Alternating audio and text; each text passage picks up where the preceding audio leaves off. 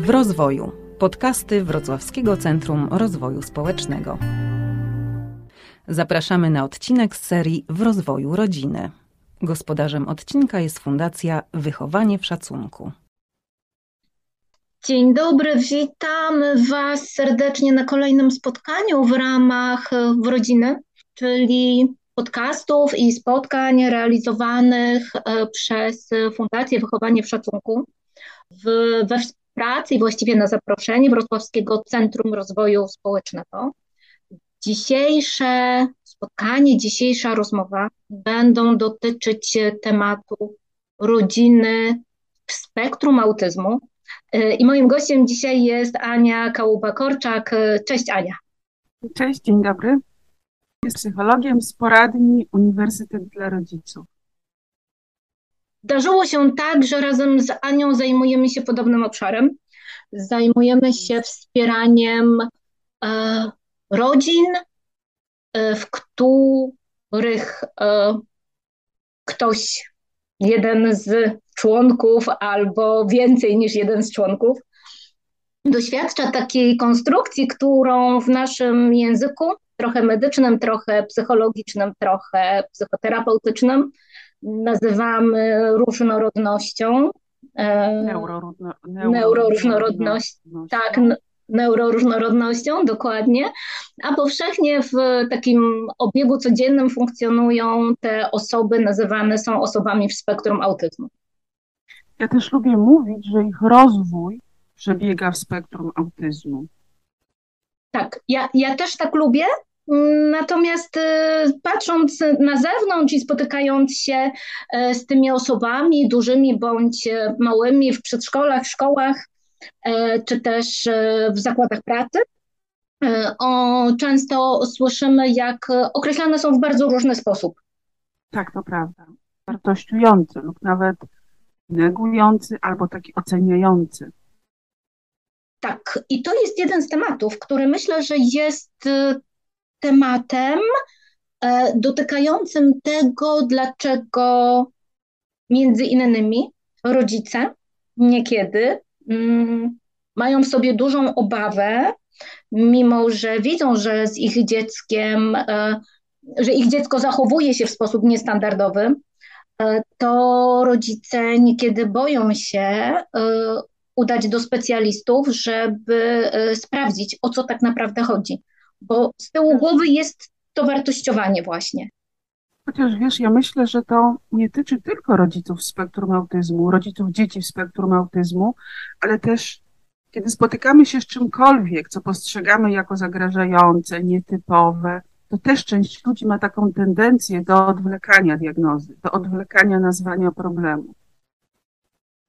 I to jest jeden kawałek, a drugi kawałek, którego obie też e, doświadczamy, z którym obie myślę, że się spotykamy, e, to jest też tendencja w drugą stronę, szczególnie jeżeli chodzi o nastolatków, ale też o osoby dorosłe, które poszukują odpowiedzi na pytanie, co się tak naprawdę ze mną dzieje. Mhm, kim są? O co chodzi z moją tożsamością, jaki jestem, jaka jestem, jak ludzie mnie postrzegają, jak ja siebie postrzegam, kim jestem w tym świecie i co się w środku we mnie dzieje. I dlaczego moje reakcje na zewnątrz? Pytania. Tak, są tak. takie, a nie inne, prawda? Mhm, dokładnie. I przychodzi taki etap w życiu e, dojrzewającego człowieka, e, a potem czasami też w życiu dorosłego człowieka, że tej odpowiedzi poszukuje. To jest rozwojowe bo każdy nastolat ma taki moment w życiu, kiedy o tym myśli. Kim ja jestem, gdzie przynależę, do czego to wszystko zmierza. Takie egzystencjalne pytania się pojawiają jako naturalny etap rozwoju.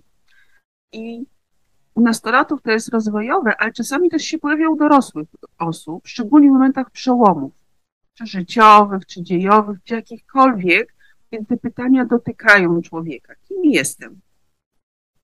Mm, tak myślę, że dla nastolatów to jest y, również związane z taką dużą potrzebą identyfikacji.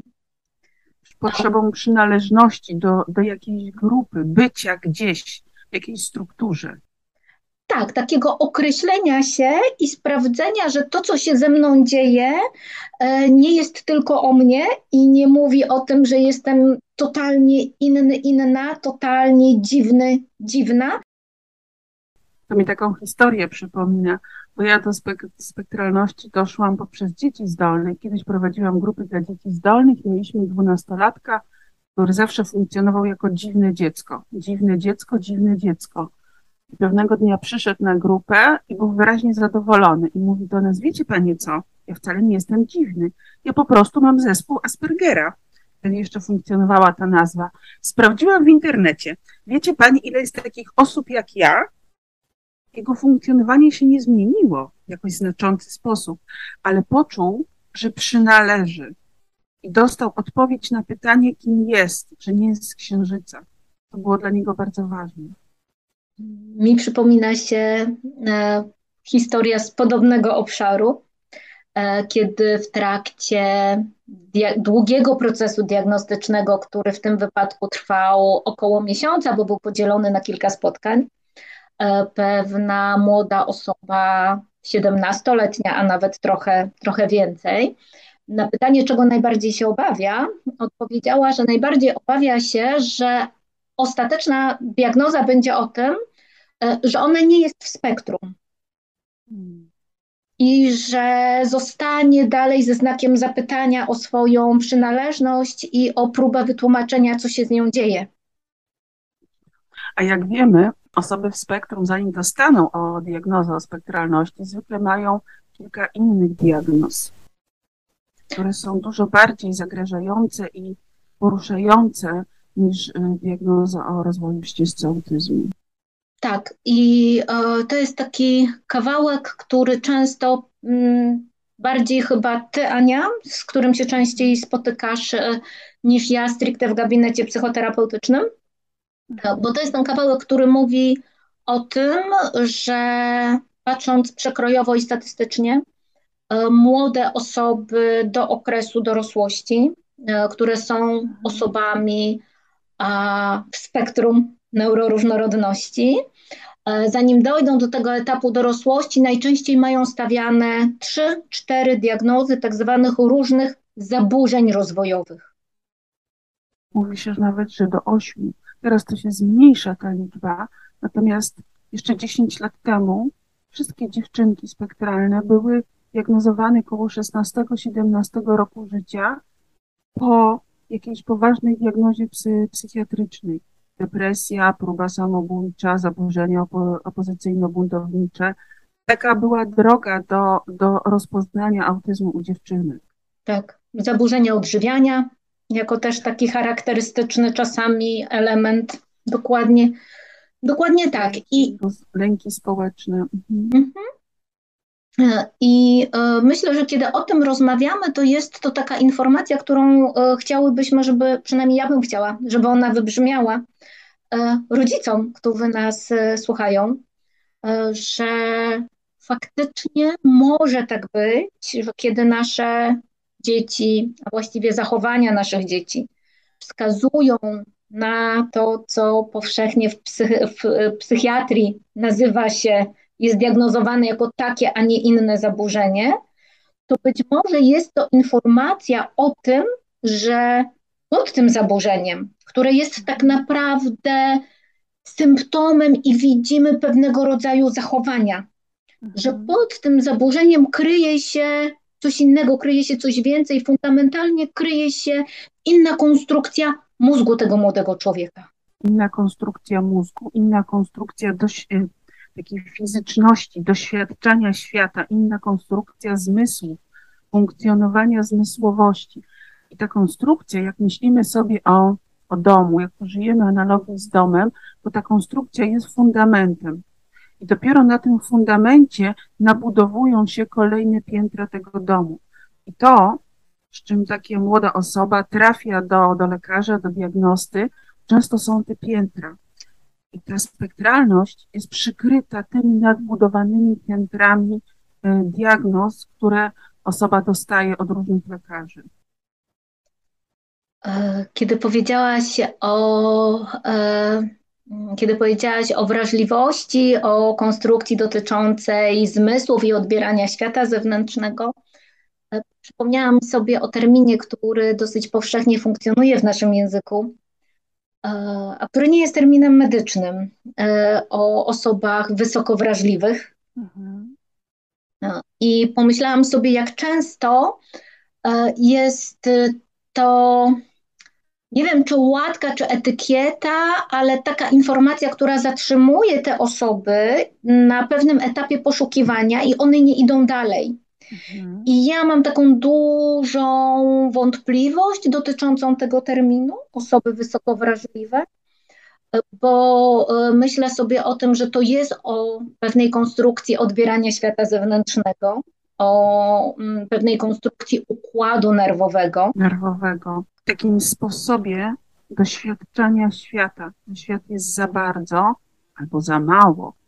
Y, czyli to, co, czego doświadczają fizycznie osoby, które są, w cudzysłowie powiem, wysoko wrażliwe, y, to jest to, że zwykły dźwięk, który dla nas jest niesłyszalny albo jest elementem tła, dla takiej osoby może być dźwiękiem raniącym. Taki fizyczny sposób czują ból, kiedy ten dźwięk słyszą ale tak jak ty mówisz, to, to nie do końca, no bo ten termin wysoka wrażliwość nie ma żadnych uwarunkowań medycznych, żadnych dokumentowań medycznych. Natomiast z drugiej strony wiemy, że rozwój osoby w spektrum autyzmu jest odmienny, odrębny i czasem właśnie można by go nazwać, można by taką osobę nazwać osobą wysoko wrażliwą, czyli zwykłe bodźce, które dla innych osób, zwykłe dźwięki, zapachy, smaki, odczucia, które dla osoby neurotypowej są przyjemne lub takie niedrażniące, dla dziecka, dla nastolatka, dla osoby dorosłej mogą być przeciążające, są za bardzo. I to jest dla mnie bardzo bliskie, jeżeli mówisz o takim rozumieniu wysokiej wrażliwości, jako pewnego rodzaju zespołu cech mhm. dotyczących y, odbierania, odbierania świata, odbierania świata przez nasze zmysły. I co tu jest bardzo ważne, e, bo to jest sposób odbierania świata. Nie da się go diametralnie zmienić. To znaczy, że jeżeli jakiś dźwięk będzie poruszał osobę spektralną, to on ją będzie poruszał. I wszelkie te e, terapie, które zakładają habituację, przyzwyczajenie się, takie zanurzanie w pewnym doświadczeniu, żeby nauczyć osoby radzenia sobie z tym doświadczeniem, są wysoce szkodliwe dla osób, które rozwijają się na drodze autyzmu. I to jest temat, który my często poruszamy w naszych rozmowach, kiedy się prywatnie tak. spotykamy. E, tematy dotyczące terapii, e, powiedziałabym czasami pseudoterapii. E, takich sposobów pseudoleczenia, które nie mają uzasadnienia medycznego. Tak, ale I czasem fajnie... skutkują i to ludzi nabiera, w cudzysłowie, robię znowu cudzysłów, tak, czasami ludzi nabiera i już pomyślałam o tym, że fajnie, jak one nie szkodzą. Tak, tak. Ale nigdy nie mamy pewności i to jakoś tak potrzebuję to na głos powiedzieć, że w dobrej wierze i z bardzo dobrymi intencjami, szukając pomocy dla naszego dziecka, żeby ulżyć mu w takim, a nie innym doświadczeniu przez niego świata, e, czasami sięgamy po różne właśnie tak zwane terapie.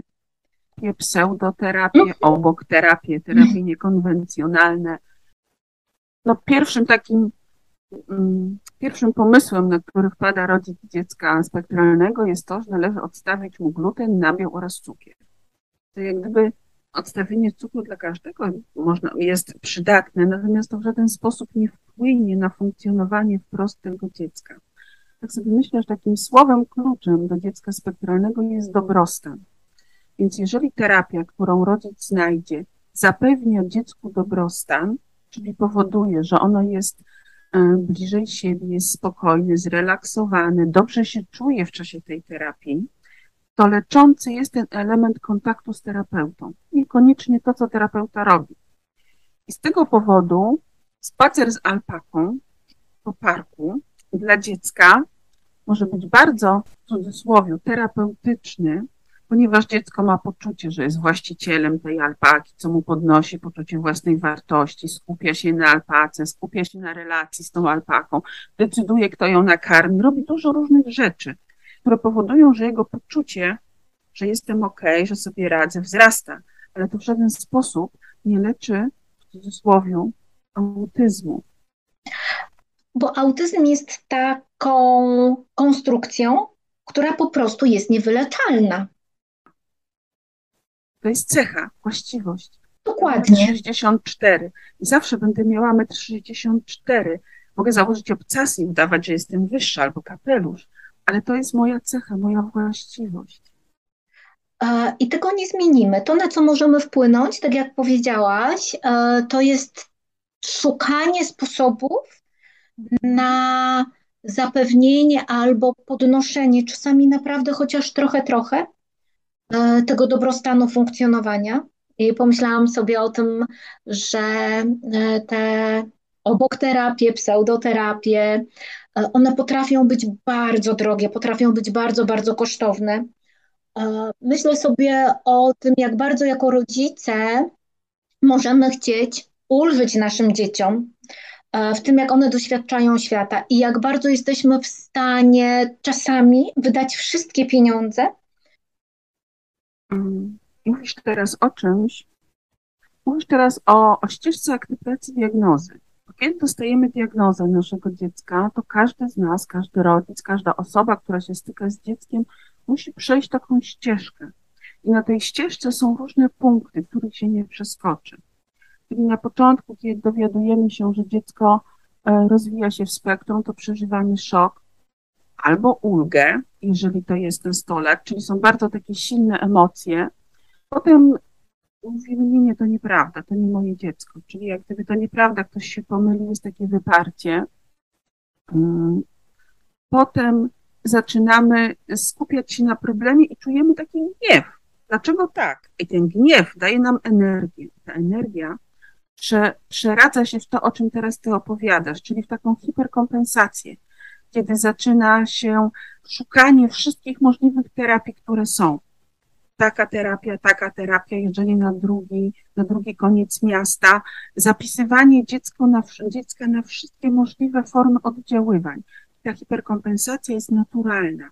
Każdy rodzic musi przejść przez ten etap. On jest albo większy, albo mniejszy, natomiast większość rodziców go przechodzi po tej hiper, e, hiperkompensacji następuje takie wyczerpanie i taki spadek depresyjny. Kiedy rodzic czuje, o, czy, czy osoba, która odkryła no już nie dam rady, to już teraz zapomnijmy. Potem następuje pozorna akceptacja i dopiero potem, po kolejnym rzucie takiej depresji, może być ta prawdziwa akceptacja. I to, co trzeba pamiętać, to to, że te etapy się mogą przeplatać. Można wpaść na rondo i krążyć między, między zostać na przykład na tej hiperkompensacji. To jest jedna ważna rzecz. A druga, że obydwaj rodziców przechodzi różnie tą ścieżkę. Czyli jeden rodzic może być na wyparciu diagnozy, a drugi może być na hiperkompensacji. Zobacz, ile to będzie generowało sporów. Matka mówi, musimy jechać, a ojciec mówi, ale o co chodzi? Ja tak samo miałam, jak byłem w jego wieku. I to są te kawałki, o których wspomniałaś, które dotykają bardzo mocno rodziny, które dotykają bardzo mocno rodziców, bo e, to, w jaki sposób my dorośli e, zareagujemy, w jaki sposób odbierzemy informacje o diagnozie, jak będzie tak, jak, jak ją pomieścimy, tak jak mówisz, będzie tworzyło nam naszą wewnętrzną atmosferę domową, w której to nasze małe dziecko, bądź też ten nasz e, nastolat, nastolata, e, będą funkcjonować, czyli na tę konstrukcję, którą oni już mają, na ten sposób odbierania świata i oddawania na zewnątrz w postaci zachowań. Mhm. Tego, że moją cechą jest neuroróżnorodność w spektrum autyzmu, będzie się nakładać dodatkowo napięcie generowane przez rodziców, które, tak jak mówisz, jest czymś bardzo naturalnym, ale z drugiej strony ono dzieciom i nastolatom w spektrum, których konstrukcja powoduje, że jeszcze bardziej odbierają świat zewnętrzny, to napięcie nie będzie pomagać, tylko będzie prawdopodobnie generować dodatkowe napięcie w nich samych. Tak, bo jeszcze jest jedna rzecz. E, dzieci w spektrum, nastolaty, osoby, mówi się, że nie mają empatii, ale to nie jest prawda. One mają bardzo silną empatię, taką empatię powiedziałabym na poziomie mm, intuicyjnym, czyli bardzo mocno czytają emocje, nie potrafią ich nazwać, ale świetnie czytają napięcie, swoje napięcie i napięcie innych osób. Co więcej, zarażają się tym napięciem. Czyli kiedy moja klasa albo moja rodzina jest w napięciu, to ja się zarażam tym napięciem i nie wiem, nie różnicuję, czy ono jest moje, czy ono jest moich rodziców. Dlatego mówimy teraz o czymś strasznie ważnym, o wsparciu terapeutycznym, psychologicznym, duchowym, różnym, o wsparciu dla rodziców dzieci w spektrum autyzmu, żeby rodzice mieli miejsce, osobę, gdzie mogą napięcie swoje odreagować i wrócić do domu z czystą głową, że użyję takiego e, slangowego powiedzenia, żeby dziecku swojemu nie dorzucać, nie donosić. I powiedziałaś tutaj o takim kawałku, który e, myślę, że ciągle jeszcze mało funkcjonuje, mało jest ponazywany, e, a który jest bardzo ważny, że grupy wsparcia, terapia, psychoterapia, czasem y, psychoedukacja, bo to są mhm. wszystkie te formy wsparcia, łącznie ze wsparciem duchowym, że to są wszystkie te formy wsparcia, które mają służyć rodzicom nie dlatego, że jest coś nie okay, nie dlatego, że ta rodzina jest w jakiś sposób y, dysfunkcyjna. To nie o to chodzi.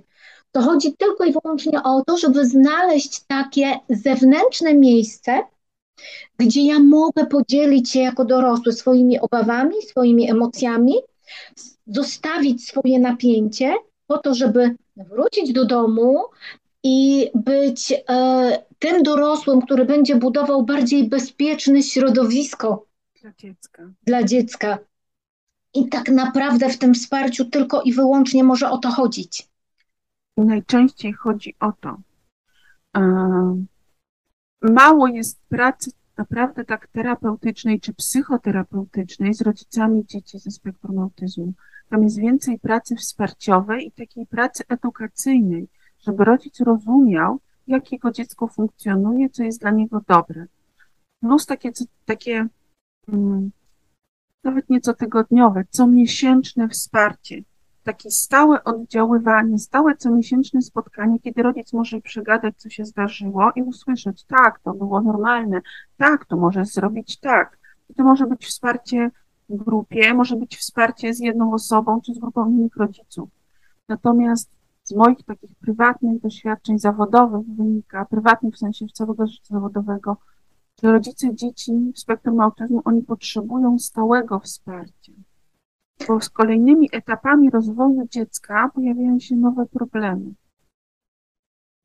Pojawiają się problemy mm, dotyczące najpierw zachowań przedszkolnych i szkolnych, potem pojawiają się problemy dotyczące budowania relacji przez te dzieci i przez tych nastolatków, albo trudności, czasem nieumiejętności w budowaniu bądź utrzymywaniu relacji. Mhm. Dosyć często nie zawsze, ale dosyć często ogromnego poczucia osamotnienia.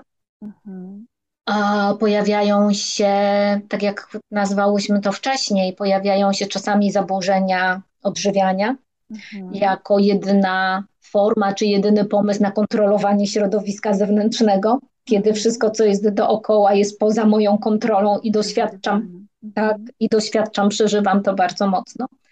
Pojawiają się e, zachowania opozycyjno-buntownicze. Mhm. E, pojawia się bardzo duże, na przykład takie nadmiarowe poczucie potrzeby sprawiedliwości. Pojawia się też bardzo duży lęk. E, a zwróćcie uwagę, że teraz żyjemy w czasie, kiedy ten lęk jest powszechny. Żyjemy w czasie, kiedy nam się zdarzyło dużo zdarzeń poruszających, dotykających każdej osoby.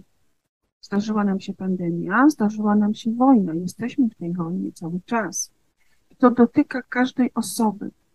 Natomiast e, osób w spektrum, które generalnie mają wyższy poziom lęku, tak jak patrzymy na średnią populacyjną, dotyka to bardziej. I tak jak sobie myślę o nastolacie, który generalnie jest bardzo chwiejny, jego konstrukcja jest bardzo labilna i doświadcza tej zmieniającej się cielesności, doświadcza własnej seksualności, sprawdza, jaką ma tożsamość, nastolat ze spektrum doświadcza tego wszystkiego bardziej, trzy razy bardziej, a może pięć razy bardziej. Jak sobie przypomnicie siebie jako nastolatki, kiedy byliście w tym czasie, albo pomyślicie o nastolatkach, które znacie, nastolatek spektrum ma to trzy, pięć razy bardziej.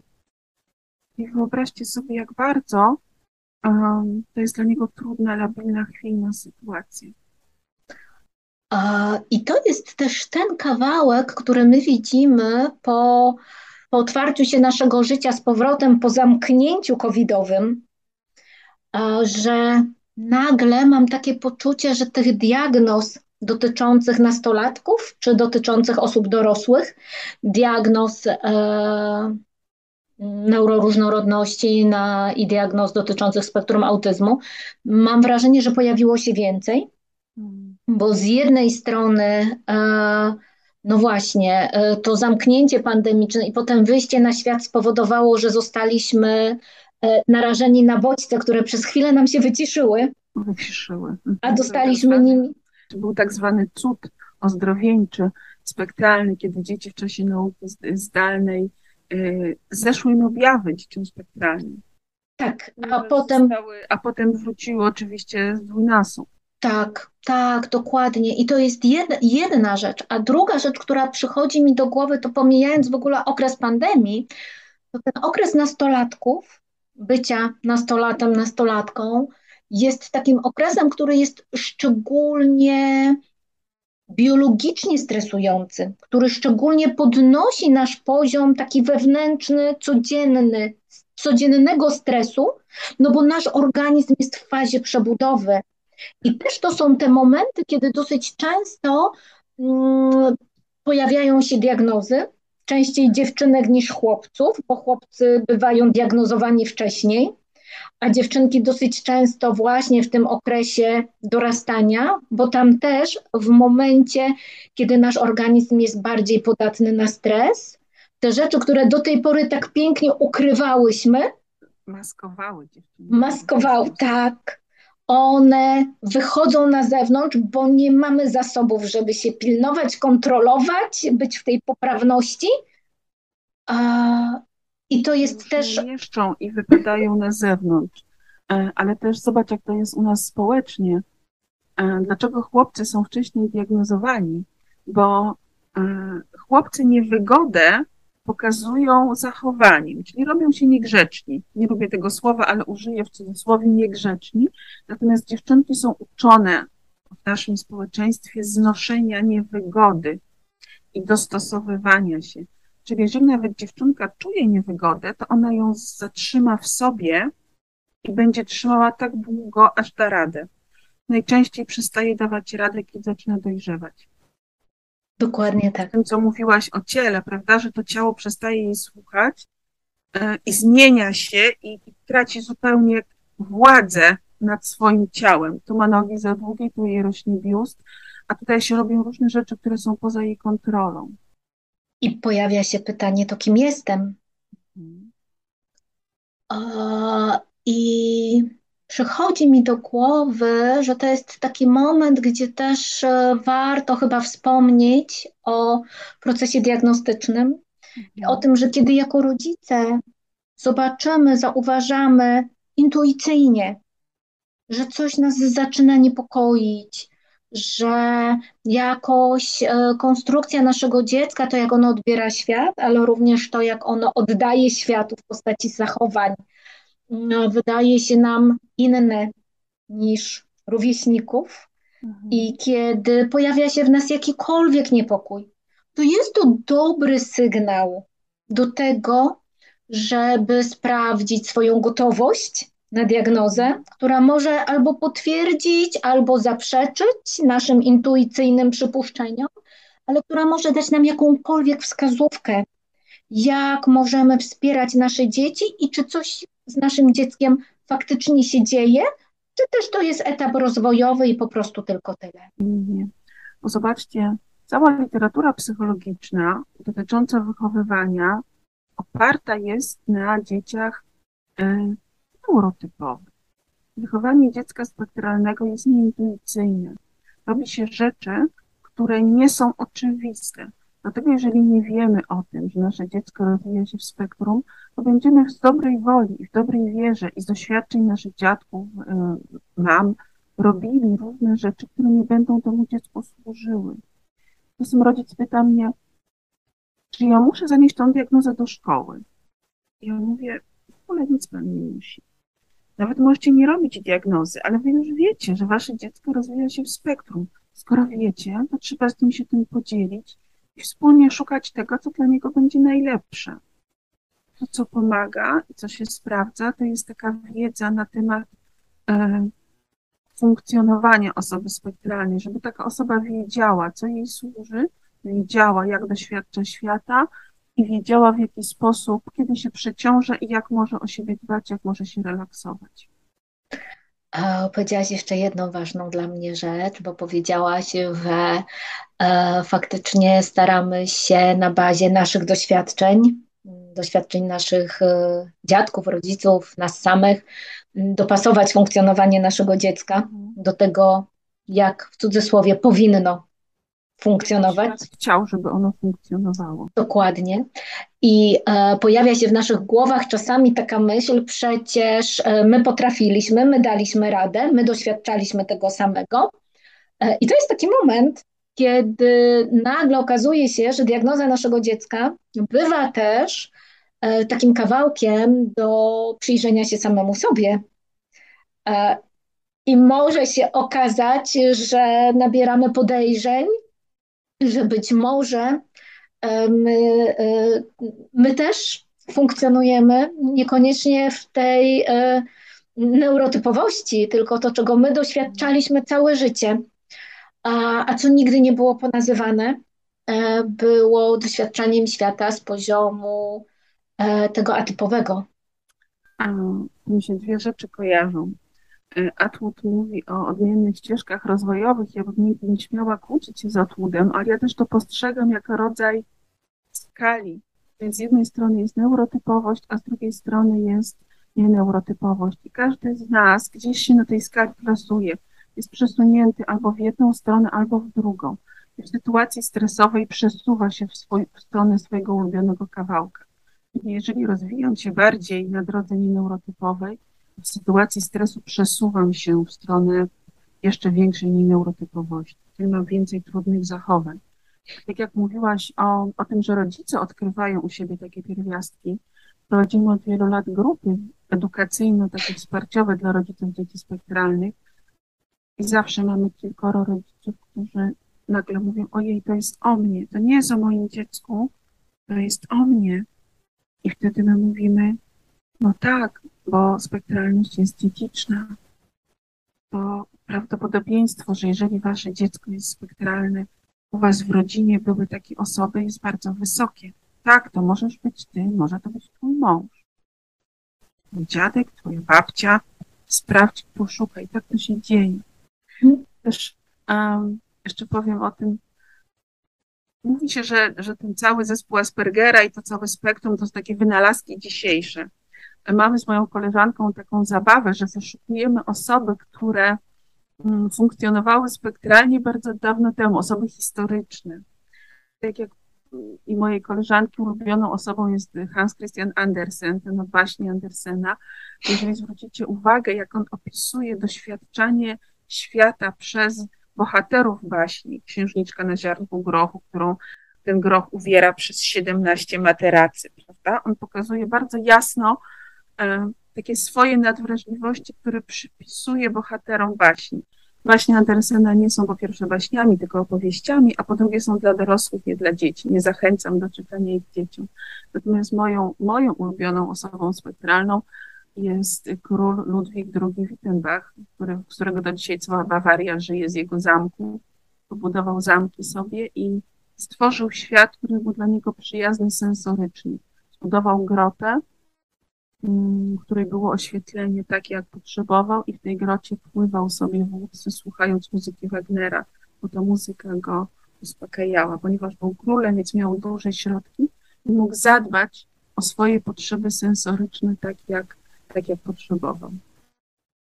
I myślę sobie, Ania, że mogłybyśmy tę rozmowę prowadzić ho, ho, ho, ho, ho, wiele, wiele godzin, ale na tym chciałabym ją dzisiaj zatrzymać. Okay. Na takiej myśli, mm, na takiej myśli, że szukajmy takich sposobów i szukajmy takich przestrzeni, żeby nasze dzieci, chociaż przez chwilę, nasi nastolatowie, ale też i my, żebyśmy chociaż przez chwilę mogli się poczuć jak e, królowie w szukaniu dla siebie tego, co dla nas jest komfortowe i co polepsza nam naszą wewnętrzną taką stabilizację, równowagę. Dokładnie tak. Zachęcam, żeby, żeby tego nie tylko dzieci uczyć, ale żebyśmy my też jako rodzice zadbali o siebie o naszą równowagę. Bo tak jak mówiłyśmy, jeżeli my jesteśmy w jakiejś równowadze, to jest zawsze balansowanie, ale im większej równowadze ty jesteś jako rodzic, tym łatwiej ci będzie pomóc dziecku w znalezieniu jego, jej równowagi. I modelować u dziecka, że można tej równowagi szukać. Bardzo Wam dziękujemy. Ania, bardzo Tobie dziękuję za dzisiejsze spotkanie. Dziękuję wszystkim, którzy nas e, słuchają. Do zobaczenia, do usłyszenia następnym razem. Dziękujemy za wysłuchanie podcastu i do usłyszenia w kolejnych odcinkach. Podcastów w rozwoju możecie słuchać na ośmiu platformach, w tym Spotify, Anchor, Google Podcast i Castbox.